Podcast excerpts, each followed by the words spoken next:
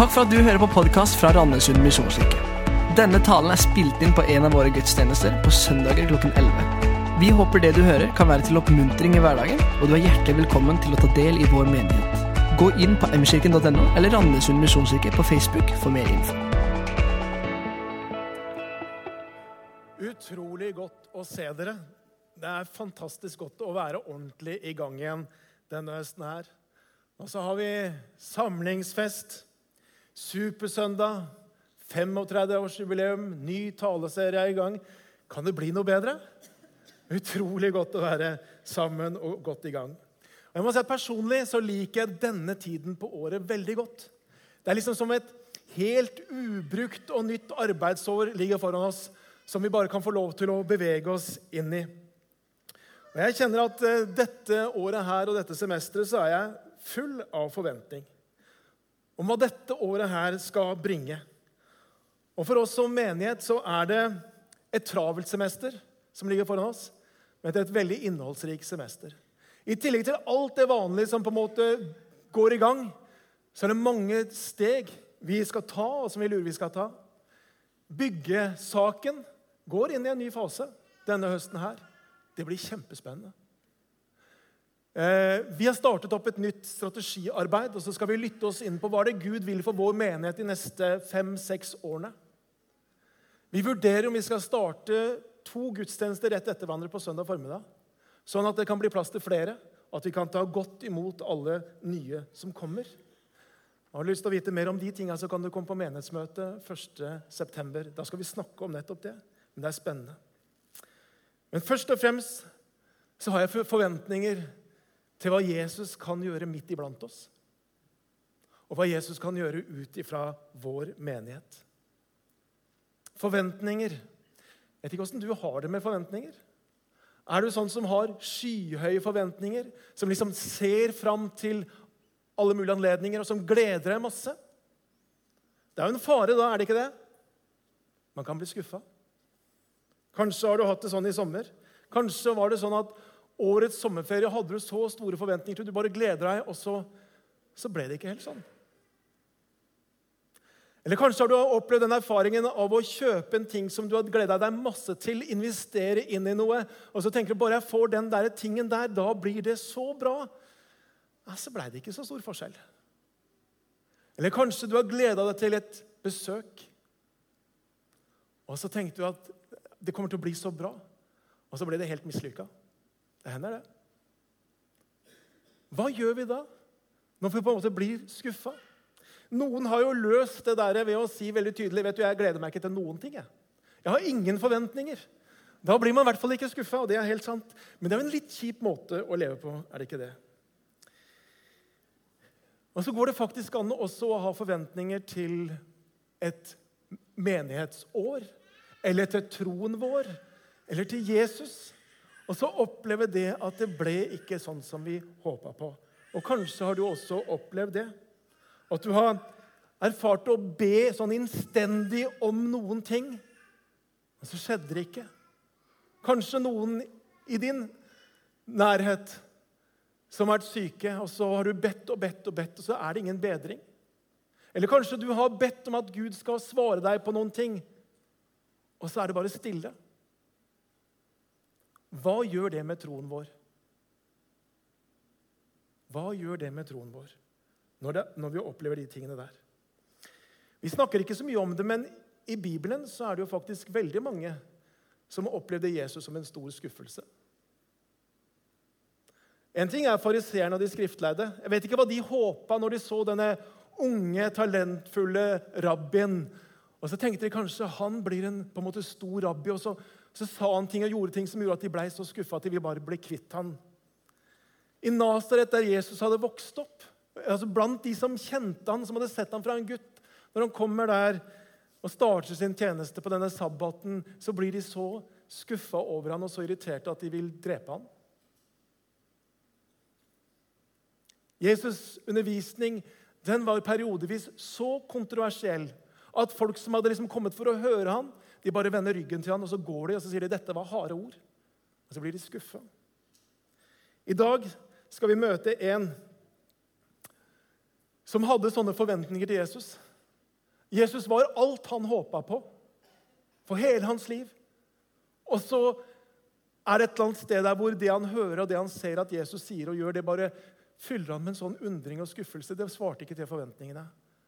Og så holder det på å ryke alt, troen og det hele. Vi skal lese fra Matteus evangelium kapittel 11 og fra vers 1 til og med vers 6. Matteus 11, 1-6, så står det Da Jesus hadde fullført talen og sagt han ville pålegge de tolv disiplene sine, dro han derfra for å undervise og forkynne omkring i byene. I fengselet fikk Johannes høre om, at, om alt Kristus gjorde. Han sendte bud med disiplene sine og spurte, 'Er du den som skal komme, eller skal vi vente en annen?' Jesus svarte dem, 'Gå og fortell Johannes hva dere hører og ser.'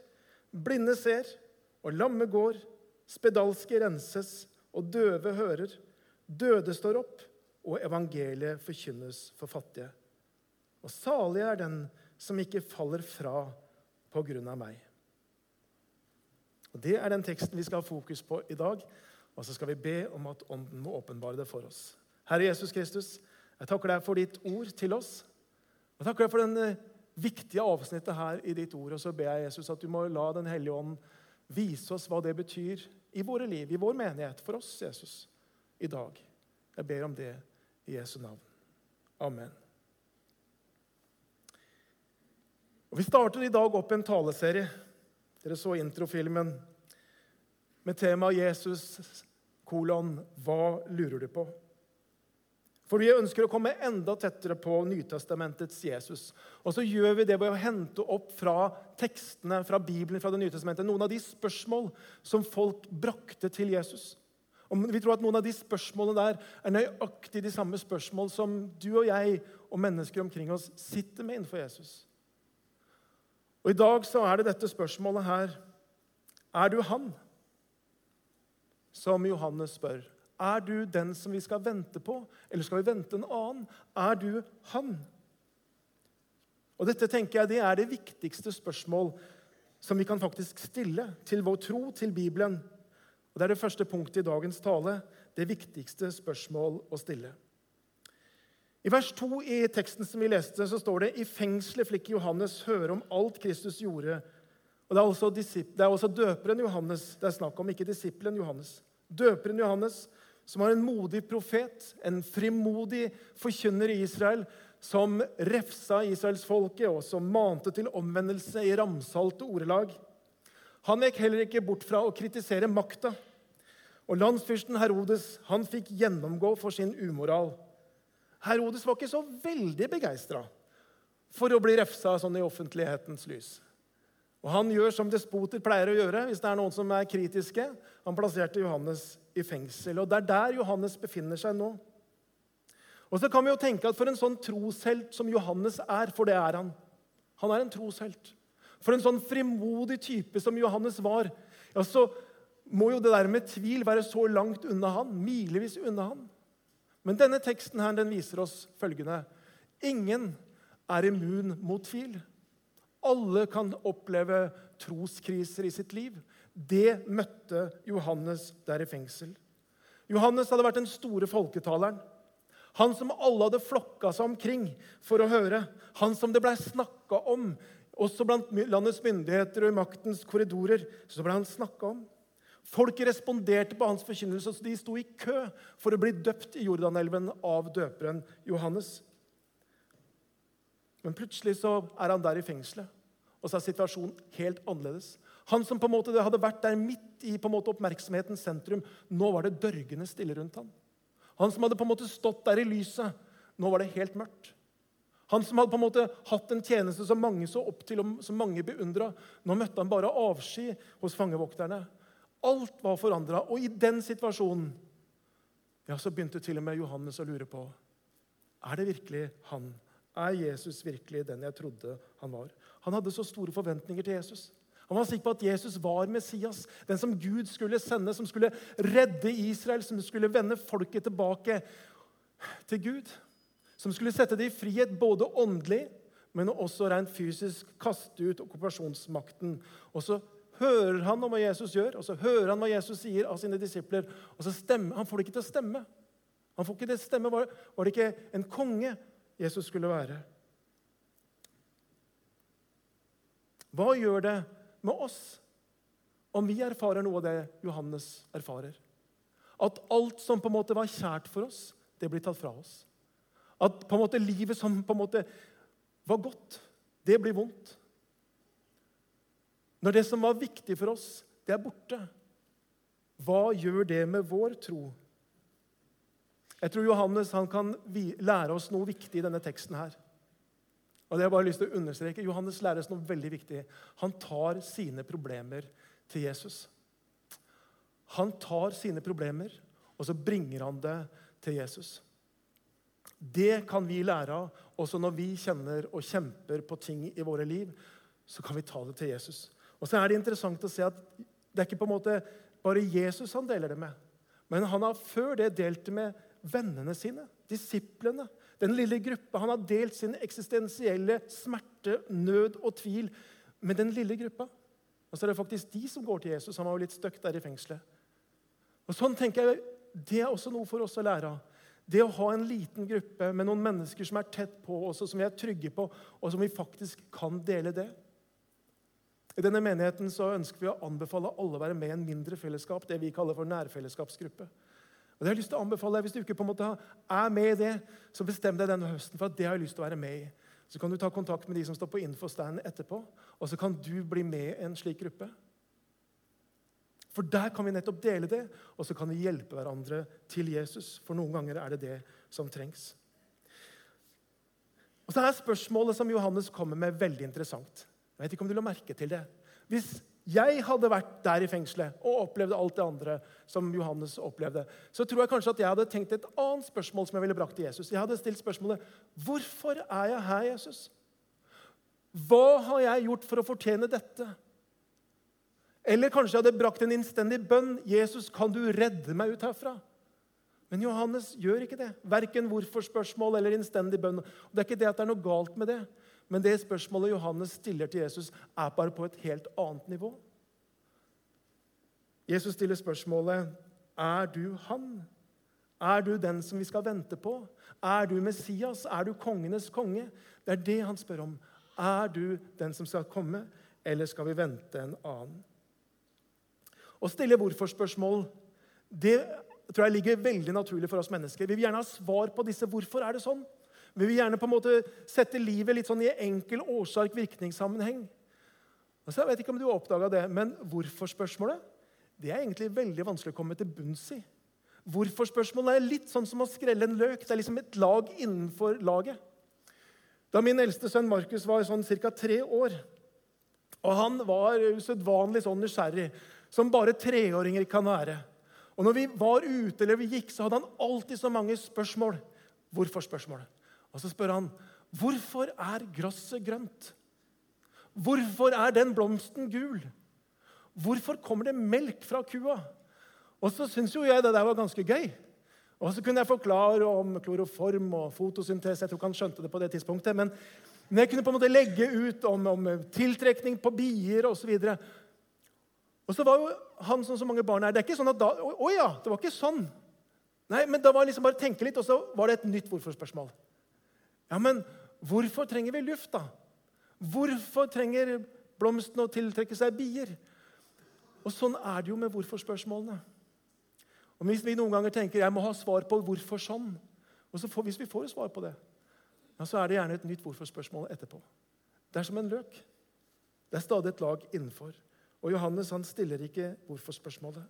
Johannes stiller her det spørsmål som er det viktigste å stille. Det spørsmålet som forandrer alt, avhengig av hvilket svar man får på det. Det spørsmålet som jeg tenker er viktigste spørsmålet å stille innenfor kristen tro, innenfor Bibelen, innenfor alt. Jeg snakker av og til med mennesker som sliter med å tro, eller som kanskje sier til meg jeg skulle ønske jeg kunne tro, og så er det noen grunner til at ikke de kan tro. Og Noen av de sier sånn som jeg kan ikke tro fordi at Bibelen inneholder ting som jeg ikke liker, eller ting jeg ikke forstår. Man sier jeg kan ikke tro fordi jeg har ikke fått svar på alle spørsmålene. Og noen sier jeg kan ikke tro fordi det er så mange kristne som er så dobbeltmoralske. Og jeg skjønner at det der er ting som noen ganger gjør det vanskelig for mennesker å tro. Å tro at kristen tro er sant. Men det viktigste spørsmålet er jo dette som Johannes stiller her. Det viktigste handler om er Jesus han? Er Jesus den som skulle komme? Er Jesus den han sier han er? Eller er han ikke? Og Det var det Johannes visste. Johannes visste at hvis jeg kan vite det, at Jesus er den, at Jesus er han, da kan jeg tåle alt dette jeg opplever i fengselet. Da, da setter det min lidelse i helt andre perspektiver. Da kan jeg tåle alt det der. Men hvis han ikke er det, ja, så sitter jeg her uten grunn. Da er det meningsløst, den lidelsen jeg opplever. Og Det var det Johannes kjempa med. Han måtte vite om Jesus er han. C.S. Lewis han sier det sånn et sted Om den kristne tro er falsk, så har den ingen betydning. Om den kristne tro er sann, så har den uendelig stor betydning. Det eneste den kristne tro ikke kan være, er sånn passe viktig. Jeg tror det er helt riktig. Det er et enten-eller her. Enten er det sant, enten er Jesus den som han sa han var, enten er han den som skulle komme, den som, Jesus, den som Gud har sendt. Eller så er han ikke. Og Det er det Johannes brytes med der han sitter i mørket. I denne lille fortellingen som vi har delt i dag, så leser vi og så lærer vi noe om hvordan Jesus er. Og Jeg syns det er utrolig godt for meg sjøl å se hvordan Jesus møter Johannes sin tvil. Hvordan Legger dere merke til at det er ingen sånn derre Også du, da, Johannes. Ikke sant? Det er ingen hoderystende på en måte sånn der, oppgitthet over Johannes' tvil. Det er ingen fordømmelse Johannes sin tvil møtes med. Tvert imot det er en åpenhet, og den er en varme. Og så er det heller ikke sånn at Johannes møtes på en sånn måte at liksom, tvilen glorifiseres. Det kan jo noen ganger jeg oppleve i dag. At liksom det, det, store er på en måte å tvile. Du tviler helst på alt. Og Det er ikke sånn at Johannes på en måte blir dulla med. sånn, ja, men det går nok bra, et eller annet sånt men, og Jesus utfordrer også Johannes. Og Jesus sier følgende fra vers 4.: Jesus svarte dem, 'Gå og fortell.' Eh, gå og fortell Johannes hva dere hører og ser. Blinde ser, og lamme går. Spedalske renses, og døve hører. Døde står opp, og evangeliet forkynnes for fattige. Og sale den som ikke faller fra på grunn av meg. Og Det er to sider ved dette svaret her. Og Det er et litt sånn underlig svar. For det første så sier Jesus Han bare peker rundt seg om hva som skjer. Han sier, 'Fortell Johannes hva dere ser og dere hører.' Blinde ser, og lamme går, spedalske renses, osv. Det er det første. Og Det er litt sånn typisk Jesus, er det ikke det? Litt sånn kryptiske svar. Det var han ekspert på. Vi kunne kanskje ha tenkt hva med et enkelt ja eller nei, Jesus? Hadde ikke det vært greit? Men det er ikke sånn. Og så kan man jo lure på hva er det her egentlig? Det høres jo litt ut som en sånn skryteliste. Litt sånn som Politikere i debatter når de får et vrient spørsmål, så forteller de heller om alt hva de får til, og alt hva de har gjort. ikke sant? Liksom for å komme seg unna. Men det er ikke det Jesus gjør. Dette svaret lodder dypere enn som så. For det Jesus gjør, er at han siterer fra Det gamle testamentet. Og Han siterer fra to av de mest kjente Messias-profetiene som vi har der. Det står slik i Jesaja 35.: Da skal blinde øyne åpnes og døve ører lukkes opp. Da skal den lamme springe som en hjort, og den stumme tunge, stummes tunge skal juble. Og ifra Jesaja 61.: Han har sendt meg for å forkynne et godt budskap for hjelpeløse. Det er det som Jesus gjør. Han henviser til disse profetiene i Jesaja. Og Johannes han hadde pugga Det gamle testamentet fra han var gutt. Han kunne helt sikkert dette uten at, og Når han hører det Jesus eller det disiplene ser, så skjønner han er oppfyllelse av profetiene til Jesaja. Det er det som skjer her. Og så var det en mye sterkere bekreftelse enn om Jesus bare hadde sagt et enkelt ja. Det er en bekreftelse med en begrunnelse. Se dette som skjer. Det er Guds rikets tegn. Tegn og glimt på at Guds rike har kommet nær. Det er det som skjer. Det Jesus gjør, det er altså å peke på Guds rikets tegn. Guds rike, glimt av det kommende Guds rike, at Guds rike har kommet nær. Liv forvandles i møte med Jesus. Evangeliet forkynnes. Og så tenker jeg, så er det jo spennende for oss som lever i 2019, å se omkring oss. Hva er det som skjer? Kan vi se noen av disse glimtene i dag? Og så tror jeg vi gjør det. Liv forvandles av Jesu kraft over hele verden. I sommer sa Sebastian Stagseth, reist rundt her i Norge, som forteller om en livsforvandling fra å være en kriminell, narkoman, gangsterrapper på randen av selvmord til å bli et frigjort menneske og et frimodig Jesu vitne. Det er fantastisk å høre hans historie. Og jeg tenker Det er ingenting annet enn et glimt av Guds rike. Liv som blir forvandla. Og så kan vi se, og så ser vi i dag at evangeliet forkynnes i alle land. Snart til alle folkeslag. Og så vokser Kirken, og mennesker tar imot Jesus på steder som vi tenker det er helt umulig. Og Det er bare en uke siden jeg leste en rapport fra Iran. Og I dette strengt muslimske landet, hvor misjon og konvertering straffes brutalt, så er det mange som blir kristne. Det er så mange som har blitt kristne det bare den siste tiden at landets etterretningsminister Mohammed Alvin uttalte i mai i år følgende Han sier det skjer en masseomvendelse rett foran våre øyne, sier etterretningsministeren i Iran og er bekymra. I 1979, etter revolusjonen, så snakker man om at det var ca. 500 kristne i Iran. I dag så snakker man om at det er over en million kristne i husmenigheter over hele landet, og særlig noen steder. Og Kristenledere derfra sier at vi har bare sett starten på en vekkelse i vårt land. Faktisk er det også mange iranere i Vesten, også i Norge, som tar imot Jesus. Det skjer noe. Hva er det? Jo, det er noen av disse Guds rikets tegn som vi kan få lov til å se. Vår tekst forteller ikke noe om hvordan hvordan dette på en måte møtte Johannes. Den stopper bare der med Jesus sitt var. Men hvis vi går til Markus' evangelium, så kan vi lese der om hvordan Herodes hentet av og til Johannes ut av cellen for at han skulle preke. Herodes hadde litt sansen for ham. Og det gjorde Johannes helt til han ble drept, og Herodes gav sin datter hans hode på et fat. Vi kjenner historien. Og Hva forteller det meg?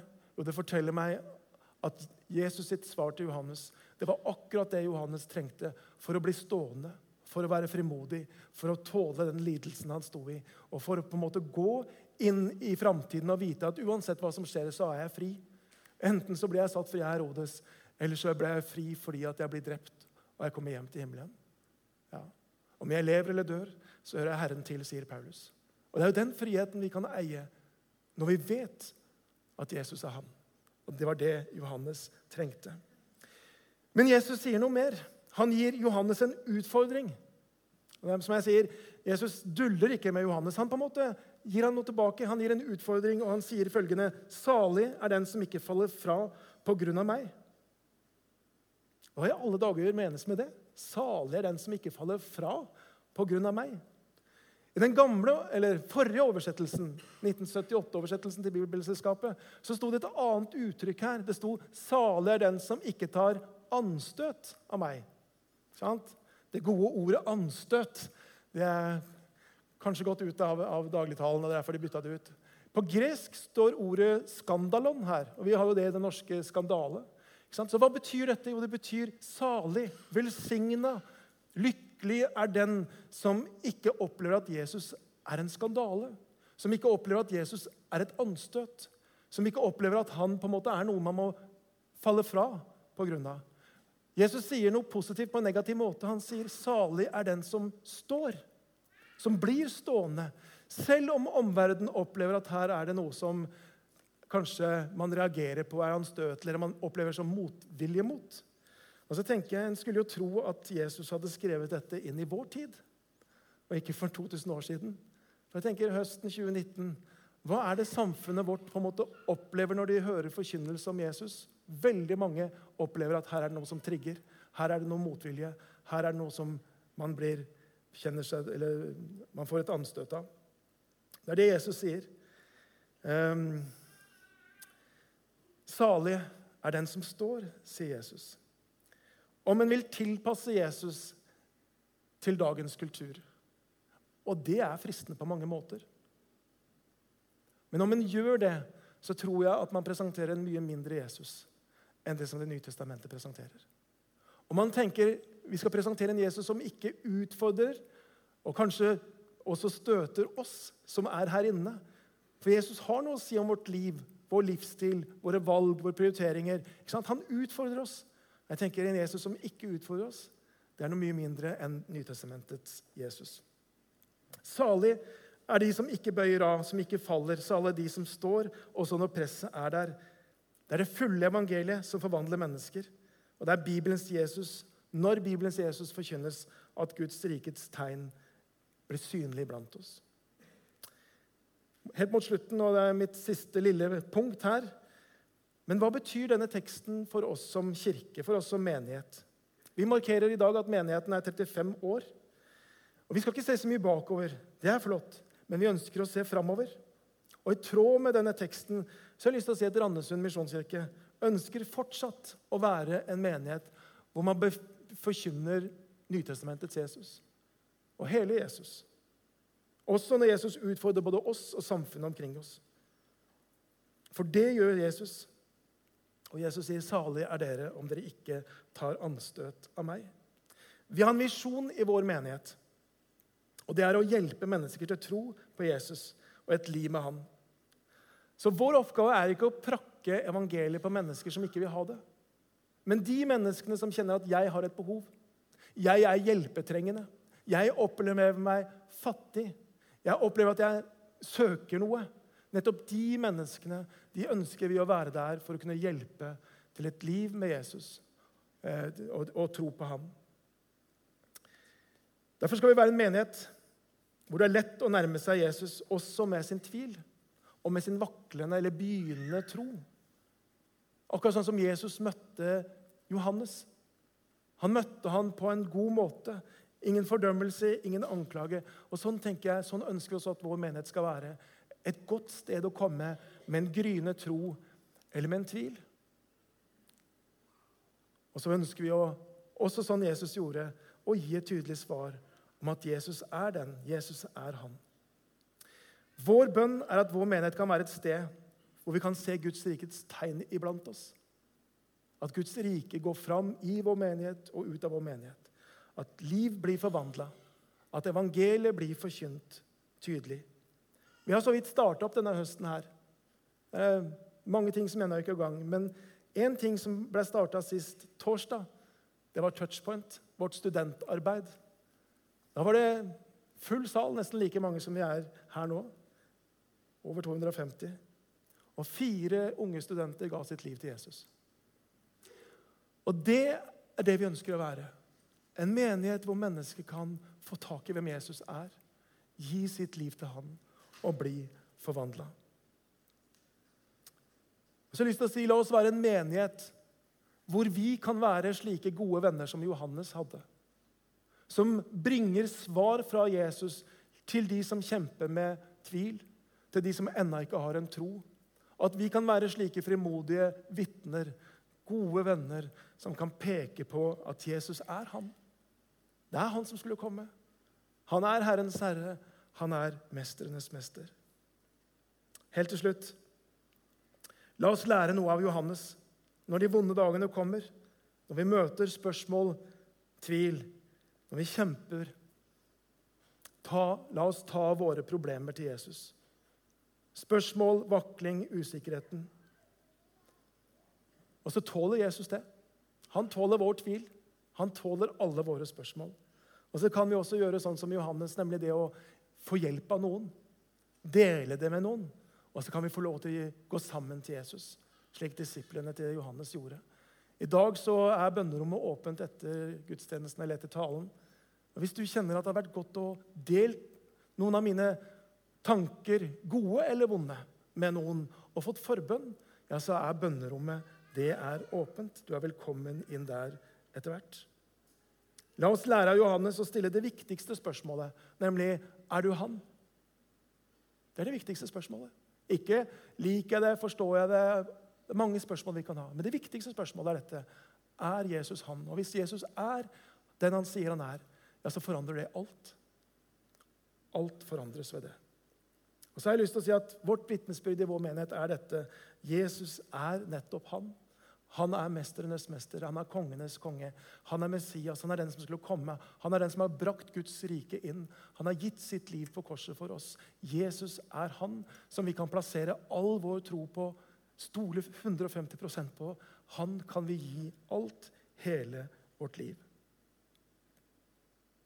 Og når vi har det sånn, så kan vi ha denne holdningen som Paulus har. Uansett hvilken situasjon jeg står i, uansett hva som vil møte meg, så kan jeg vite det. Om jeg lever eller dør, så hører jeg Herren til. Og Det er en sånn frihet i det.